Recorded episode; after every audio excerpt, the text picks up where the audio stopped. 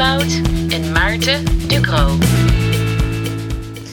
luistert naar de tweede aflevering van de Krotcast On Tour. Ehm, zoals u hoort aan mijn stem wellicht dat hij een half octaafje lager is dan normaal, is het vroeg op de ochtend.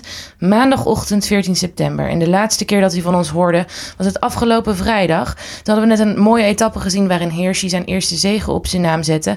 En hoopte Maarten dat dit betekende dat de Tour nu echt los zou barsten. Ja, dat, dat hoopte ik niet alleen. Er waren ook duidelijke aanwijzingen dat dat eh, het geval was. En die lijn zet zich door, alleen het is wel een heel bijzondere situatie. Eh, daar kom ik zo op. Eh, want we hebben natuurlijk na Hirschi hebben we nog een keer Sunweb gezien. Met Kraak Andersen die op een fantastische manier ploegenspel afrondt. En de definitieve status van Sunweb bevestigt als rittenkapers.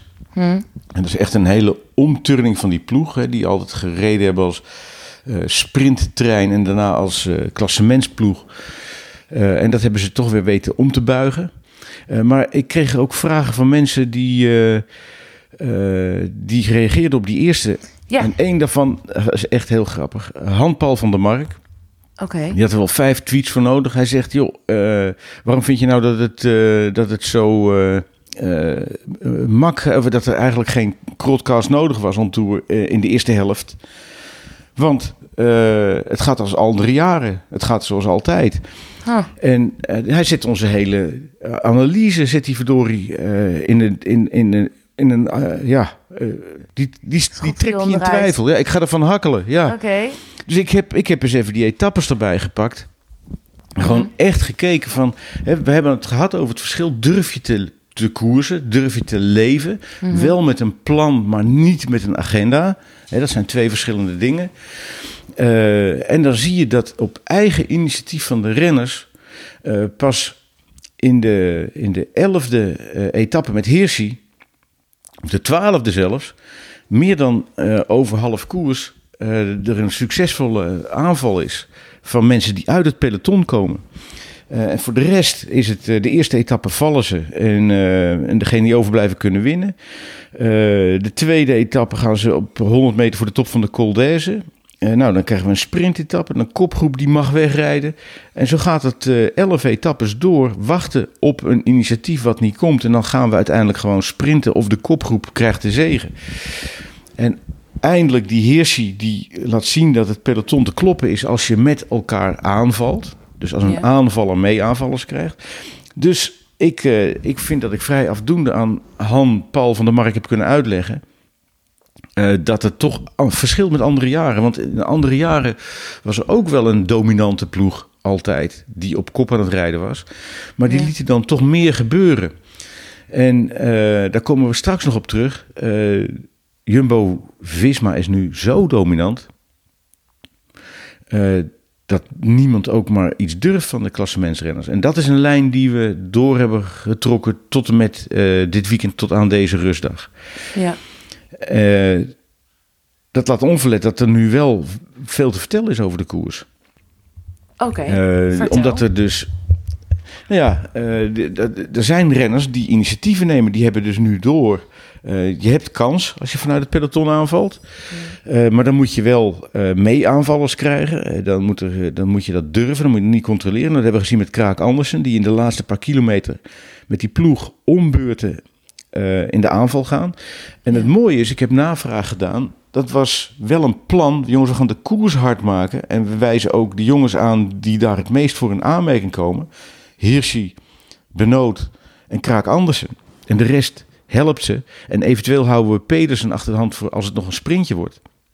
Ja. Maar daarna is het gewoon agressief koersen. En trek je eigen plan. En die Kraak Andersen heeft het op instinct gedaan, zoals hij het zelf zei. Nou, dat, dat, kan je, dat zie je ook gewoon. Dat zie je aan de ontlading. Dat zie je aan de manier waarop ze over de streep komen. En uh, dat is geweldig om te zien. Ja, dat, dat, dat, dat was precies jouw hoop, toch? Ja, nou, nee, de, hoop. Ja, ik ben, ik ben inderdaad altijd met mijn lijstjes van de hoop. Maar dit was ook iets wat te verwachten was. Er ontstaat ruimte. En hoe zit dat dan met die klassementsrenners? Want iedereen vraagt zich natuurlijk af, hoe gaat dat dan? En uh, uh, dan, dan zie je dat de dominantie van Jumbo-Visma... die is zo totaal... eh, dat, de, dat de rest eigenlijk... eh, ja, er is maar één plan voor iedereen. Het plan van Jumbo-Visma.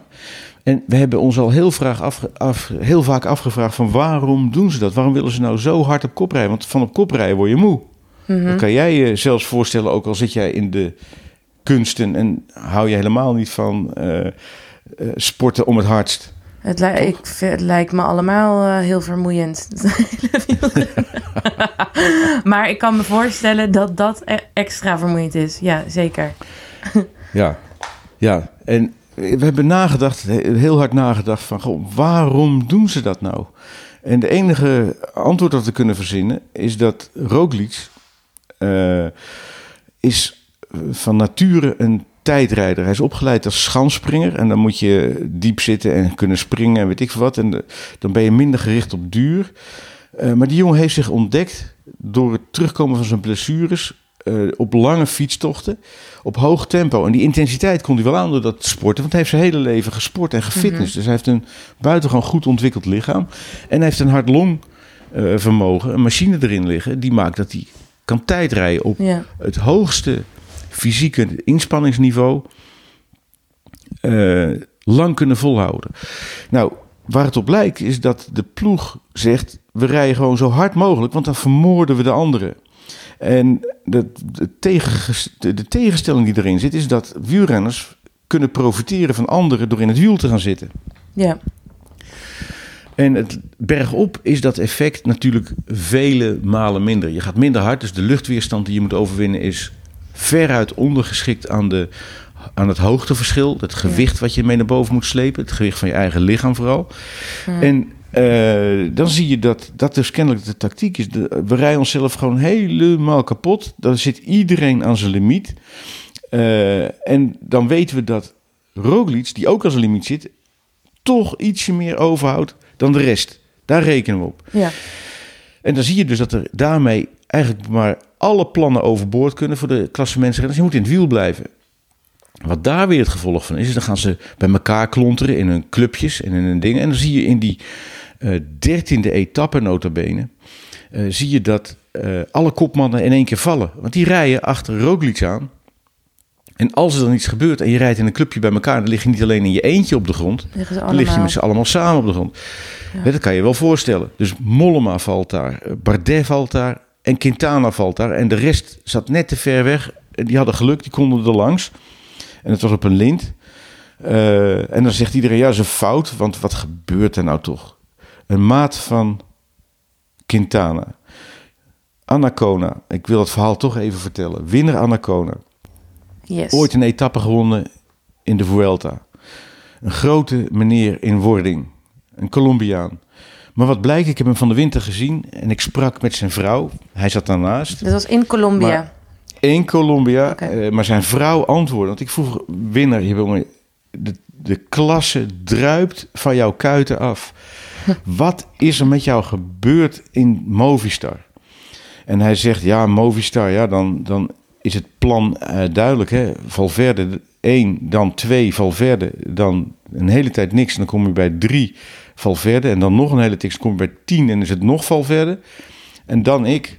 Waarop zijn vrouw zegt, ja, maar jij laat je ook gewoon de kaas van het brood eten. Nou, ik weet niet of jij getrouwd zou willen zijn met zo'n vrouw, maar eh, daarmee was alles in één keer duidelijk. Een hele lieve, zachtaardige jongen met een, eh, een brilletje op, die die in de koers vervangt door lenzen. Maar een grote vriend en een trainingsmaat van Quintana. En Quintana zegt, jongens, ik ga naar mijn ploegleider Kevin, eh, Yvonne Le Danois. Kevin is zijn zoon. We hebben Ja. vorig jaar met hem gesproken. Indies, yes. En wij, wij gaan een vriendenclub maken. En we gaan ons voorbereiden in Colombia. En wij worden de nieuwe capo's. In, in tegenstelling tot de capo's die daar de drugsmafia ru- eh, runnen. Gaan wij hebben we een aflevering over gemaakt die de mensen terug kunnen luisteren als ze willen. Ja. Ja, nou die dus. En die winnaar aan de Kona, die, eh, die zegt van... Nou, ik moet mezelf weer opnieuw uitvinden als wielrenner. Ik moet weer leren wat het is om een pijn te lijden in de finale. En niet gewoon je kloten af te draaien voordat de finale daar is. En eh, dat kost nog best wat moeite, die knop om te zetten. Maar in handen van mijn goede vrienden hier eh, gaat dat lukken. Wat gebeurt daar? Die Anacona rijdt best goed, hoewel die deze Tour onder zijn niveau is. Maar dat is het opmerkelijke. De enige ploeg die echt op zijn niveau is, is Jumbo-Visma. Sterker nog, die doen het beter dan ooit. En de Ja. andere ploegen zijn niet op hun niveau. En eh, daar kom ik straks nog op. Hoe komt het dat ze niet op hun niveau zijn? Onthoud die vraag, want die moeten we zo stellen. Terug naar winner. Ja. Terug naar winner. Wat gebeurt daar? Die jongen wordt gesponsord door een brillenfabrikant, krijgt zweetdruppels op die bril. Hij moet een etenzakje over zijn kop doen. En hij wil het eh, aftrekken en hij trekt zijn bril mee scheef. En die bril gaat af en hij zwengt om die bril te kunnen pakken. En daarmee valt hij en zijn kopman Quintana, die haken in elkaar. En daarmee valt Bardet op zijn hoofd, die overigens zelfs een bloedvat gebroken heeft in zijn hoofd. Dus Ja. meer dan een hersenschudding. Dat is heel naar. Daar gaan we nog echt, daar gaat hij lang nasleep van hebben. En Mollema breekt zijn pols, zodat hij in de bosjes valt. Maar achter, in die bosjes zit een, een, een, een, een, eh, een betonnen rand. Eh, omdat daar een watergang is die ze willen beschermen. En Hmm. eh, ja, de rest is geschiedenis. Dus die waren eraf. Dus wat je ziet is, is door dat hoge niveau van koersen van de Jumbo-Visma's... eh, dat die... dat die andere klassementsmannen daar wel achteraan moeten rijden. Ze hebben geen mogelijkheid, geen ruimte meer om een eigen plan uit te voeren. Ja. En dus datgene wat we aankondigden, van joh, ehm, eh, ze, ze zien dat er kansen zijn, dat wordt de kop ingedrukt door het idioot hoge niveau van Jumbo-Visma. En daar moeten we ze om prijzen. ja, Want zeker. dat is echt, ja, dat is echt ongelooflijk. Want wat is er gebeurd bij die Colombianen? Ik heb daar informatie over. Die waren in top, top vorm in het voorjaar, in februari, maart. Mhm. En eh, wat je dan moet doen, hoe lang duurt die lockdown? Weten wij veel. Nou, dan eh, trainen we maar een beetje door in de hoop dat die eh, gauw voorbij is. Oh, het duurt toch een tijdje. Weet je wat, we vliegen terug naar Colombia. Oh, maar dan mogen we niet naar buiten. Eh, wat doen we dan? Nou, dan vragen we dispensatie aan. Eh, dan mogen ze eindelijk half mei naar buiten. Ja, dan gaan ze als gekken trainen. Dus die hebben hun hele sturing van het topniveau hebben ze, hebben ze niet kunnen handhaven. Ze Ja. hebben de en dan kan je zeggen dat is een fout. Nee, die hebben de verkeerde sturing. En in Nederland hebben we gek genoeg de mogelijkheid gehad om continu door te trainen. Ja, precies. En dat hebben ze ook gedaan bij Jumbo-Visma. En die Colombianen en ook heel veel andere ploegen hebben... ehm, hè, wat nodig is in zo'n situatie is meteen je training stoppen en terug naar het rustniveau van de winter. Dus je basis op orde houden, maar niet toewerken naar een piek. Ja. Als je dat eh, durft te nemen, die beslissing, eh, dan eh, kan je daarna weer toewerken als de data bekend worden naar die nieuwe piek die er dan moet vallen. Nou, dat proces is bij de meeste ploegen heel erg verstoord. Dat is wat ik eh, uit mijn informatie haal als ik de ploegleiders eh, spreek erover. Zo niet bij Jumbo-Visma. Dus daar heb je het hele speelveld uitgelegd. En wat je dus nu ziet, is dat eh, Jumbo-Visma de gasten de nek omdraait. Maar de enige bij wie dat niet lukt, is Pogacar. Die profiteert wel. Die zit ook op de limiet. Maar wat we gisteren hebben kunnen zien, evenals eh Roglic zelf. En dat, dat maakt het nu echt wel eh, interessant. Want ze krijgen één, Roglic er niet af. Twee, hij bewijst gisteren, en dat deed hij ook al in de Pyreneeën... dat hij, als iedereen de nek omgedraaid is... eh, dat hij dan, net als Roglic, er nog bovenuit steekt. Dat hij nog over heeft. En het moment gaat komen in de komende week... dat er dan toch dat tweegevecht gaat komen tussen die twee mannen. En misschien zelfs dat jongens die eh, in de achtergrond staan... ik denk eventjes aan Poort en Landa... dat die eh, kunnen profiteren van die tweestrijd... en zeggen, ja, als die twee naar elkaar kijken... dan kan ik misschien nog eens een keer een klein ontsnappingje wagen. Ja. Maar daar heb ik een hard hoofd in. Ehm, dus waar we nu eh, naar zitten te kijken, onderhuids in dat ogenschijnlijke gesloten algemeen klassementsclubje, dan zie je dat, eh, dat iedereen de nek wordt omgedraaid, dus ook al gelost is. Hè, Bernal, die, eh, zoals ik zo even uitlegde, want die informatie heb ik ook van eh, dat kamp. Het is ongelooflijk moeilijk om je nieuwe piek in een onbekende coronatijd af te stemmen. Dat is Jumbo-Visma dus goed gelukt. Die Ja. anderen niet, die vallen erdoor. De enige die in het wiel blijft en ook iets over heeft is Pogacar. En die tweestrijd, die gaat in de komende week Ja. eh, nog ontbranden. Want eh, er zijn nu alleen nog maar idiote aankomsten bergop. Eh, Ja. Ze hebben zelfs een berg twee jaar geleden voor het eerst geasfalteerd... door met een helikopter met kokende pek boven te gaan vliegen. En op de top die leeg te kieperen. En dan maar te kijken hoe de pek zich een weg naar beneden baant. Dan moeten ze nu op, omhoog fietsen. Ja, dat zijn dingen waar Pogacar toch iets beter in is dan Roglic. Oké, Maar hoe dat is in de derde week, dat gaan we zien. dat gaan we zien, inderdaad. Hey, even nog Dus een ik kort... hoop dat ik zo'n beetje antwoord heb gegeven op, eh, op die vraag van... eh, Nou, van de- zeker. van- Wederom een helder verhaal, doordacht, een, een column. Ik heb even een korte vraag Ja. daarover. Want we hebben het natuurlijk in de voorbereiding naar de Tour over gehad... hoe verschillende ploegen hiermee omgingen. En hoe jij dat net omschrijft, is het, is het zo simpel. Ehm, ja, tuurlijk ga je dan eh, meer eh, in je winterstand... en zodra die data bekend zijn, eh, ga je trainen... zodat je niet... zo- zodat je op niveau kan blijven en op topniveau kan komen wanneer het nodig is, snel. Ehm, waarom is dat dan toch zo fout gegaan? Naast zo'n zo'n reden als in Colombia dat je niet naar buiten mag, vind ik heel logisch. Maar op meer plekken kon je wel buiten trainen. En is het volgens mij toch ook een beetje misgegaan vanuit de ploegleiding en de, de communicatie eh, eh, en dergelijke, of niet? Zeg ik. Nou, kijk eens aan. De, je, je slaat de spijker op de kop met je vraag. Eh, want Jumbo-Visma heeft enorm geïnvesteerd... zoals we in de podcast met Richard Plugge kunnen horen. Hm. De podcast die al van vorig jaar dateert zelfs. Die vertelt over hoe zij geïnvesteerd hebben in de coaching. De, de, de, zeg maar de soft skills van de, van de begeleiding. Ja, Eh, door veel met elkaar te praten en eh, een plan te hebben, maar geen agenda. En eh, vanuit dat plan te werken. En als het plan overboord moet, of de, de- wat je hebt bedacht overboord moet door zo'n corona. de beslissing durven nemen in de winterstand te gaan. En ongelooflijk te investeren. Want je moet je voorstellen, je bent wielrenner. Je traint je gek voor de Ronde van Vlaanderen. En die gaan niet door. ja. Ja, wat dan? Dan blijven ze natuurlijk doortrainen en, en doen en tegen de muren opvliegen. En ze worden ja, allemaal knappe gek. jongen die dan eh, braaf gaat rusten, zoveel uren per dag. eh, Exact. ja, ja. De- Dus dat hebben ze één heel goed begeleid. Geholpen door de situatie dat je in Nederland gewoon mocht doen wat je wilde, relatief gezien. Je mocht buiten. En eh, dat mocht in andere landen helemaal niet. In Spanje bijvoorbeeld Robert Gezink. En dat is wel heel bijzonder. Die is dus nu op top, top, top niveau. Die zat in Girona. Die kon helemaal niks. Nee, Op zijn balkon een beetje, een beetje op een rollenbank trainen. ja. Nou, hoe hou je dat fris?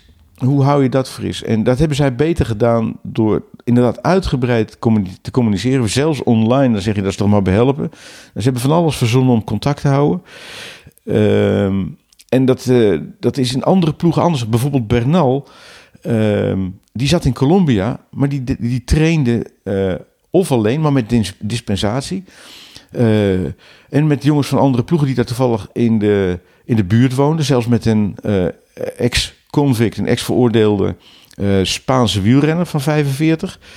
Eh, zo was hij zelf een beetje aan het trainen in zijn eentje. Dus dan ben je, dan ben je echt ehm, op een andere manier bezig dan goed voor je is. Ja.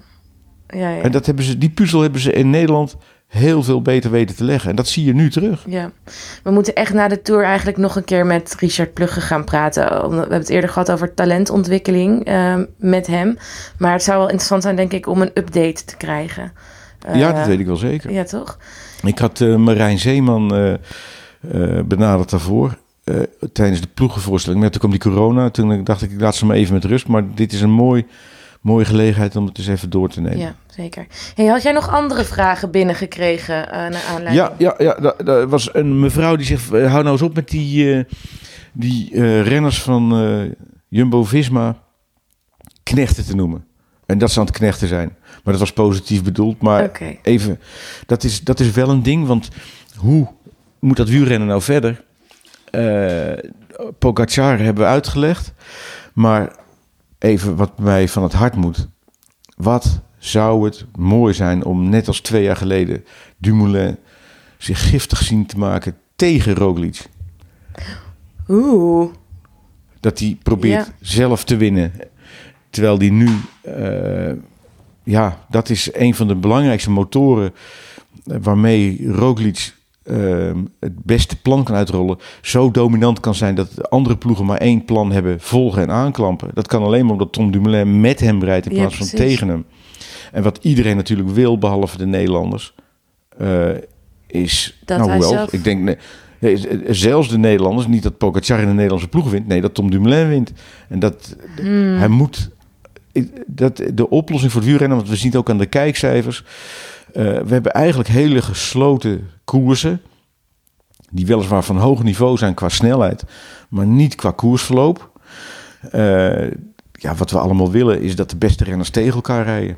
Ja, En ik, eh, het doet mij pijn aan mijn ogen af en toe om Dumoulin voor een ander te zien rijden. In plaats van dat hij kijkt hoe hij de koers kan winnen.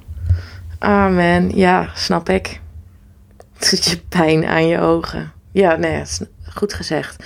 Ehm, gaat, ja, dat is natuurlijk flauw speculeren van hoe gaat dat eh, gebeuren. Maar dat, dat zou wat zijn. Dat zou wel een plot twist. eh, Dat is, eh, als je, kijk, als je het hebt over de modernisering van het wielrennen, maar misschien moeten we daar de, een andere podcast aan wijden. Dan knip je deze maar door. Maar wat, we, wat ik acht jaar geleden op tv zei, nog langer, kleinere ploegen, zodat eh, er niet zo'n massale eh, controle kan zijn vanuit één ploeg. Als je maar zes of vijf renners hebt, dan, eh, dan wordt het echt wel een precaire toestand om met z'n vijf op kop te gaan rijden. En een salary cap, dus een maximum aan salaris, zodat je niet met eh, 30 miljoen gewoon de beste renners kan kopen die dan in plaats van tegen elkaar met elkaar gaan rijden. Dat zou wel een hele oplossing zijn. En dan kom je weer terug bij de basis van het wielrennen. Iedereen die meedoet aan de koers heeft kans. Ja. Het gaat erom wie het meest kan pijn lijden. En als die helemaal zwart ziet voor zijn ogen, dat hij toch nog slim kan zijn. Precies. Dat is het belangrijkste. Schaken met je vingers tussen de deur. Schaken vind- met je vingers tussen de deur. Dat is een, je, van wie heb je die? Nou, Super. Iemand heeft een boek geschreven dat heet Wie de trui past, trek hem aan. En ik ha- had dat gelezen.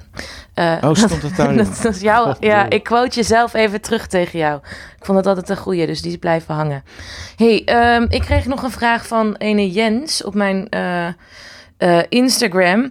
Ehm, Jens is namelijk Twitterloos. Die zei: Is er toevallig ook een andere mogelijkheid om via een, an- is er een mogelijkheid via een ander kanaal vragen in te sturen?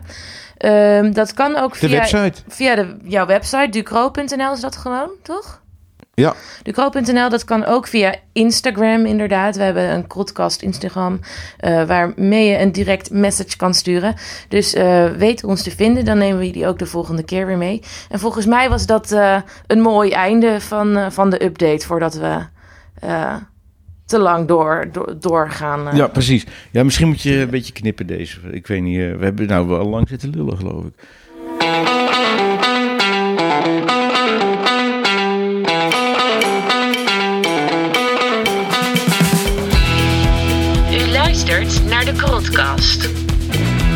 Met Steven Dalebout en Maarten Ducro.